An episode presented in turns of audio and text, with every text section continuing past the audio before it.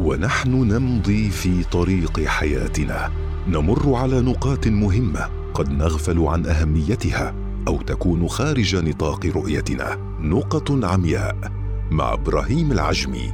أهلا بكم مستمعينا الأعزاء في حلقة جديدة من حلقات برنامج نقط عمياء.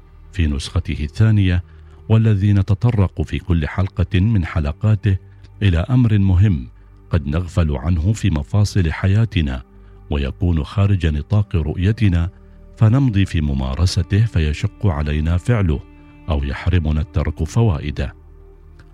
في هذه الحلقة يميل الإنسان بفطرته إلى تحقيق ذاته وفرض وجوده لولا أن البيئة والتربية تقطعان الطريق على بعض البشر فتجعلهم يفقدون القدرة على اتخاذ القرار الخاص بهم ويعتقدون أن الآخرين الأعلى والأقوى منهم يعرفون أكثر منهم وأن تصرفات الأغلبية هي الصحيحة ورأي الأقلية خطأ. فينصاعون للسائد دون تفكير فيما يشبه سلوك القطيع متغافلين ومتجاهلين تلك الفطرة التي تدعوهم إلى التفرد في الأفكار والقرارات والسلوكيات المبنية على القناعات الراسخة والأدلة العلمية والمنطقية والتاريخية. ويسمي علماء النفس هذه الظاهرة باتباع العقل الجمعي حتى لو كان هذا الاتباع غير منطقي أو معقول. وهذا السلوك لا يتوفر لدى أحدهم إلا عندما يضعف أو لا يريد أن يفكر ويتعب نفسه في التفكير أو أن أفكاره ستأتي بالويل والعذاب إلى ساحته. وفي تجربة نفسية وفي صالة انتظار إحدى العيادات الطبية يتم تمثيل مشهد كل أبطاله ممثلون ما عدا امرأة واحدة. فيتكرر إطلاق نغمة يقف عند سماعها الجميع. ما يضطر المرأة المستهدفة لمجاراة الآخرين. وتظل تقف عند سماع النغمة حتى بعد أن تصبح بمفردها. بل قامت بحث زائر جديد آخر على مجاراتها. وعندما يسألها لماذا تقفين عند سماع النغمة تجيب ببساطة لأن هذا ما كان يفعله الجميع. وكذا عندما يصفق الجمهور في المسرح يتبعهم كل شخص آخر حتى لو كان دخوله قبل ثوان بغض النظر عن السبب الذي دفع الجمهور للتصفيق ورغم أن قيام الإنسان باتباع الأغلبية حتى لو كانوا على خطأ يمكن أن يعتبر سائدا إلا أن هذا السلوك ممجوج عقلا وشرعا.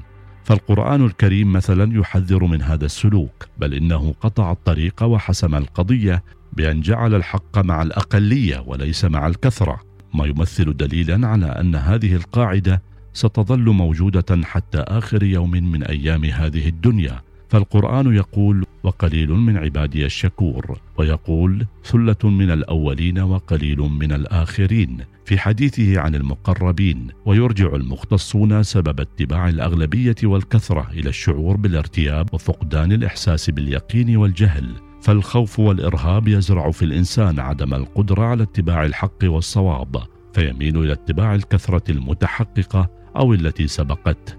وكذلك الشك وعدم اليقين يدفع بالإنسان لا اراديا إلى التمسك بالأغلبية واتباعهم لفقدانه حالة الاستقرار والاطمئنان النفسيين. ما يجعله يحذو حذو الأقوى والأكثر والكثرة تمثل قوة قاهرة. فالمثل يقول الكثرة تغلب الشجاعة. كذلك الجهل بالشيء فهو دافع كبير لأن يذهب المرء بمذهب الجماعة. ورغم أن اتباع الأكثرية قد تتسبب في تحقق الطمانينة لدى الإنسان كما يحدث عند التفريق بين السلع والخدمات فكثرة الأشخاص الذين يشترون سلعة ما تشي بأن هذه السلعة جيدة ولكن ليس على حساب السعر والميول الفردية. فبشكل عام الجهل والخوف والشك دواع مبررة لأن يتبع الإنسان من هو أقوى منه والكثرة أقوى منه. ومتى ما تخلص الإنسان من هذه المبررات كان جديرا بأن يتبع ما يمليه عليه عقله وضميره ويفقد بالتالي تأثير تلك القوة الجمعية التي تقهره وتجعله يتبع سبيل الأكثرية ولو على حساب فطرته.